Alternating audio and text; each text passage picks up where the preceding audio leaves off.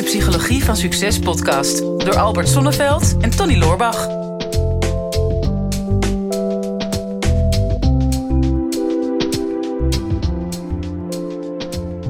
We hebben nou een interessante vraag gekregen, Albert. Die is ons echt op het lijf uh, geschreven. Ja, ja nou dan ben ik al benieuwd, uh, Tony. Ja, dit is echt, uh, ik ben heel benieuwd wat we hiervan gaan maken. We krijgen een vraag van Thomas. Thomas zegt, beste Tony, ik luister week in week uit met plezier jullie podcast Psychologie van Succes. Nu zit ik zelf ook met een brandende vraag. Hoe herken ik narcisten? Narcisten? Narcisten? Ja, ik spreek het goed uit. Narcisten. En hoe kan ik het beste met ze omgaan? Ik hoop dat jullie daar wat mee kunnen. Ja, daar kunnen we wel wat mee, denk ik. Zeker in Hoe herken je de narcist en hoe ga je ermee om? Ja. Dus een beetje de vraag of je ermee om wil gaan. Dus de tweede vraag is misschien heel kort. Je moet er gewoon niet mee omgaan. Nee, nee in principe um, is dat te lastig. Maar laten we daar eerst eens uh, naar de kenmerken gaan kijken. Mm -hmm. En um, misschien kunnen we ook wat voorbeelden vinden. Nou, uh, zonder namen te noemen misschien. Zonder namen te noemen. Ja. Um, nou ja, er is, er is één Amerikaan. die kennen we allemaal. Die kennen we allemaal. Ja, die heeft daar wel een schijntje, de ja. neiging van, ja. Ja, en eerst zei ik nog wel eens, uh, voor zijn regeringsperiode beter één Amerikaan dan vier Russen. Vier Russen, uh, vier Russen, maar dat kan ik... Maar dat kan ik met dat corona gebeuren ook niet meer zeggen. En nee. die ene Amerikaan die valt ook niet zo in de smaak. Nee. nee. Maar um, nou, daar hebben we allemaal wel een beeld bij. Nou, ten eerste wat ik zou willen zeggen over um, tegenwoordig um, ja, de labels die worden gegeven. Ik zou er toch echt een beetje voorzichtig mee willen zijn. Mm -hmm. Omdat uh, nogal heel snel wordt gezegd, ja, hij is een autist of hij is een narcist. Of, mm -hmm. um, en ja, ten eerste, waarschijnlijk heb je die personen niet getest zelf. Uh, dus, dus een label is heel snel geplakt. Ja. En um, ja, ik heb gemerkt dat met oordelen uh, naar jezelf of naar anderen, daar kom je in de regel niet zo heel erg ver mee. Uh, hm. Tenminste, niet vaak, bereik je vaak niet de dingen die je graag zou willen. Ja. Maar ook omdat het, het iets te veel beperkt. Hè? Je hebt dat mij ook ooit geleerd in een, uh, in een van onze sessies jaren geleden. Dat als je jezelf een label opplakt, dat je je ook beperkt tot dat label. Hè? Dus als jij zegt van ik ben een autist, dan zou je ook niet meer of minder dan een autist zijn. Nee. Maar en jij zei toen van oké, okay, maar ik ben dit en dit, maar ik ben meer dan dat. En ja. toen had het ook over narcisme. zei ja, ik ben een narcist, maar ik ben meer dan dat. Ja. en daar, ja. daar gaat hij niet helemaal op. Nou, um, ja, zelfs daar. Uh, wat je vaak ziet ook, is dus um, ja, wat je dan ook van die Amerikaanse president kan vinden. Uh, mm -hmm. Er is toch een hele categorie die zei, hey, ja, ondanks zijn merkwaardige gedrag is het ook een krachtige leider. Ja. En um, dus hij is ook meer dan dat. Mm -hmm. um, of je het daar nou mee eens bent of niet, dat is natuurlijk weer iets anders.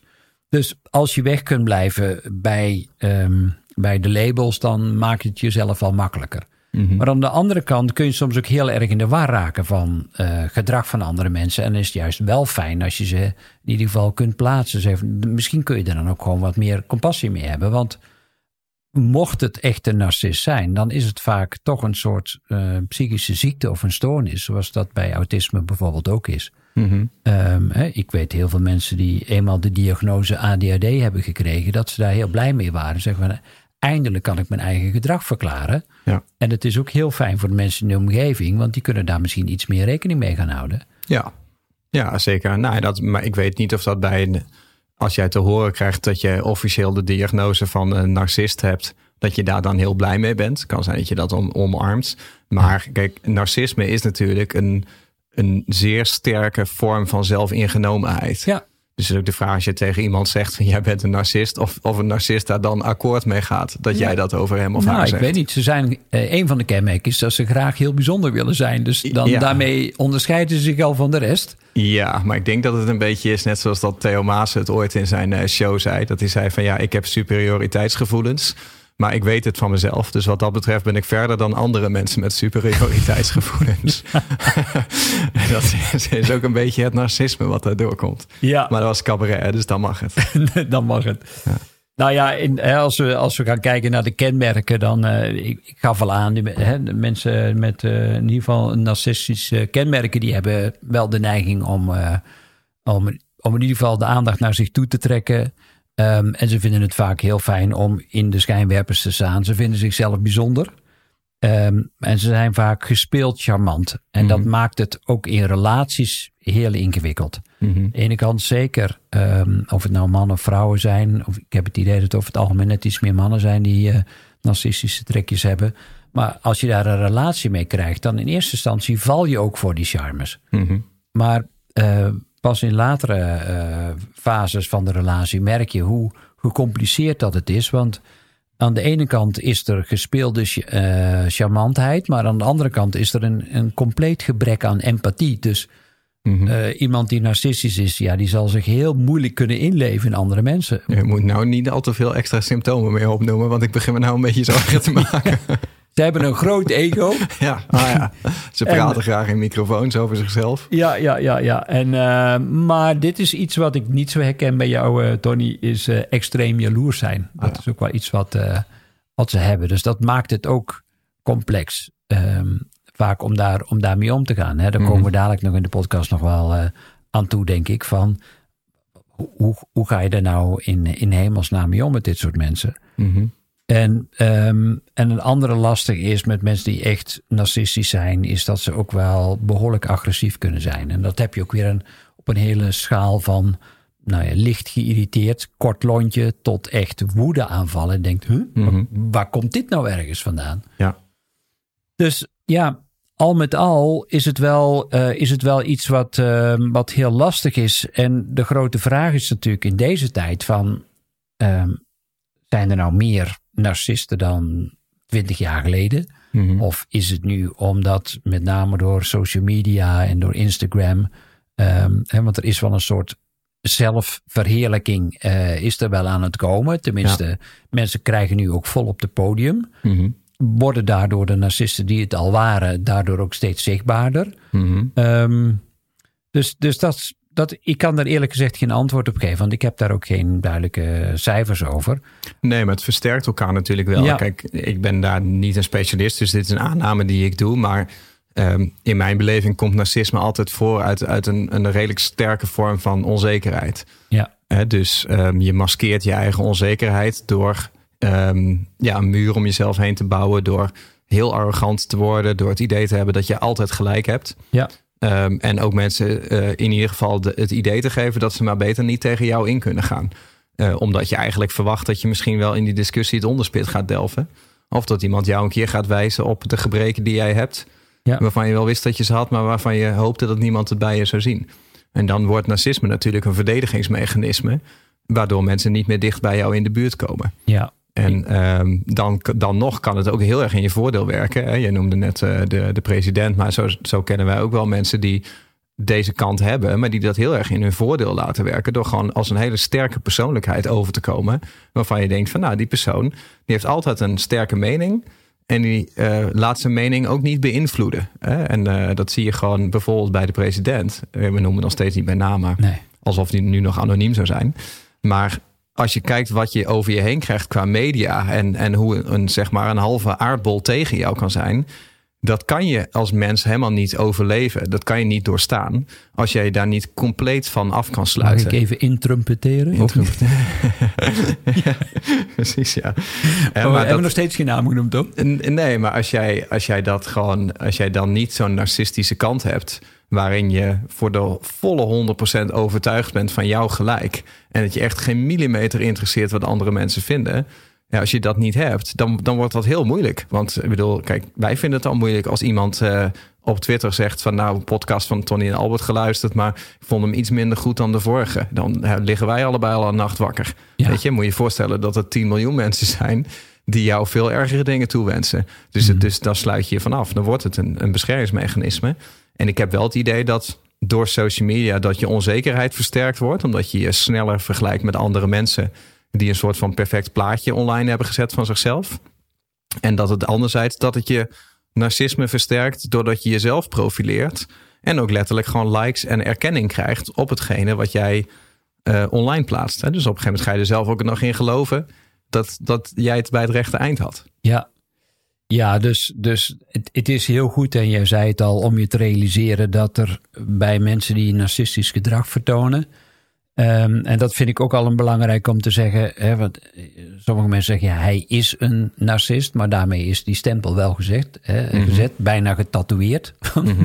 Ja, ik kan beter zeggen, iemand gedraagt zich narcistisch. Ja. Dat is anders. Ja, want uh, wat er inderdaad onder zit, is vaak. Uh, ja, allerlei onzekerheid en schaamte van binnen.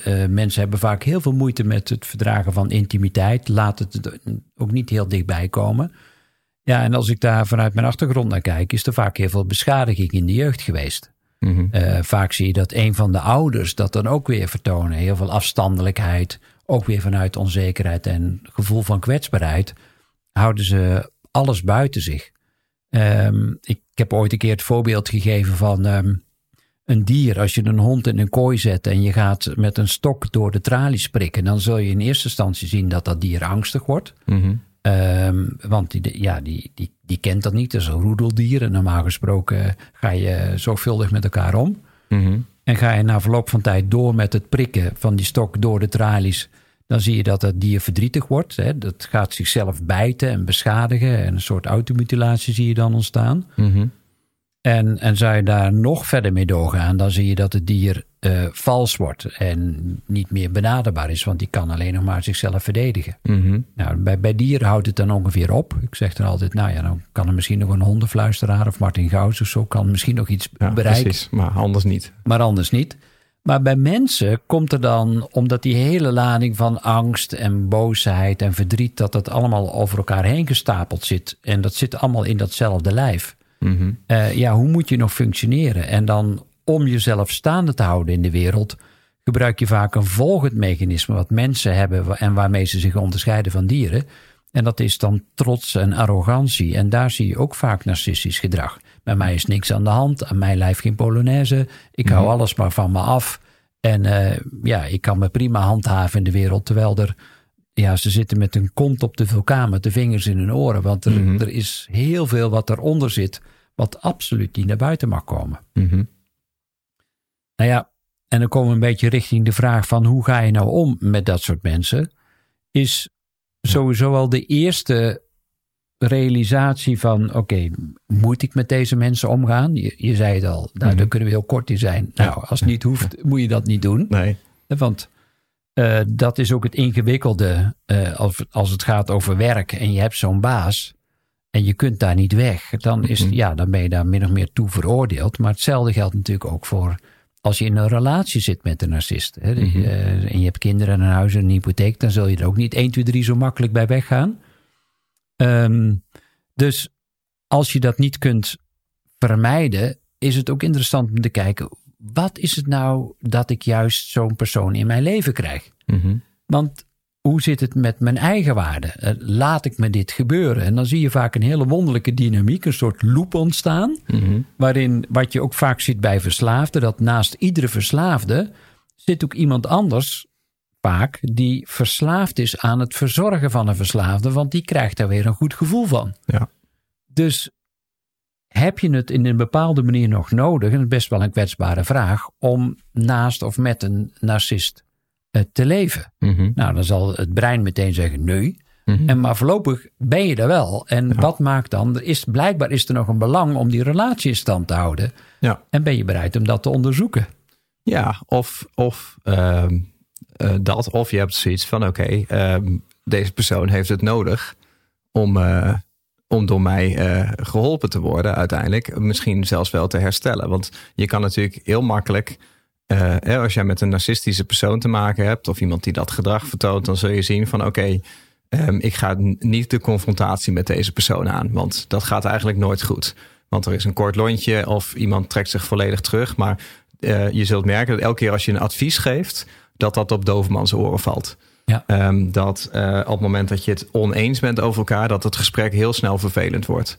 op het moment dat er frictie is, dat dat vaak niet wordt uitgesproken. Um, maar, maar dat je het wel voelt. Hè? Dus, dus je moet eigenlijk een beetje met fluwelen handschoenen behandel je zo'n persoon. Hè? En je merkt dat je altijd alles met de mantel de liefde bedekt. En dat, dat gaat op een gegeven moment aan jezelf knagen. Maar je weet ook van als ik dat niet doe, dan ga ik die andere persoon daarmee beschadigen of dan raak ik de vriendschap kwijt.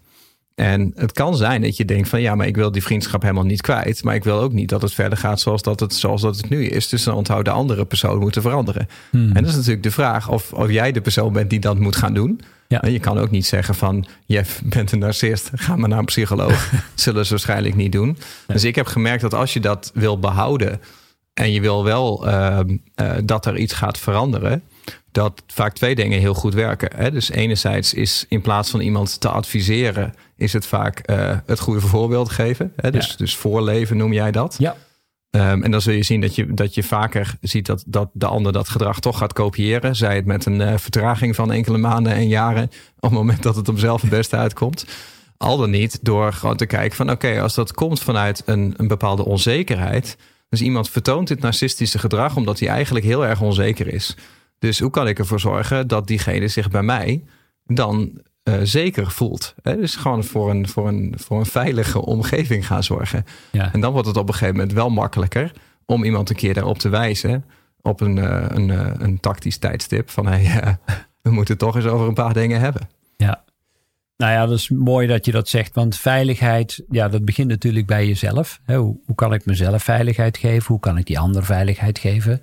Hoe kan die ander zichzelf veiligheid geven? En hoe kan die ander, ondanks zijn narcistisch gedrag, jou ook veiligheid geven? Mhm. Wat versta je daaronder? Hè? Dus dat zijn allemaal dingen die je dan eerst voor jezelf heel helder moet hebben. Wat is er voor mij minimaal nodig om naast deze narcistische persoonlijkheid uh, te leven? Uh, want wat jij terecht zegt, uh, die narcist ervaart meestal aan de oppervlakte geen probleem. Die zegt van ja, als ik me zo blijf gedragen en de hele wereld doet wat, uh, wat ik belangrijk vind, dan is er toch niks aan de hand. Nee, zeker niet. Nee, als je het spelletje wint, is er niks aan de hand. Nee, nee.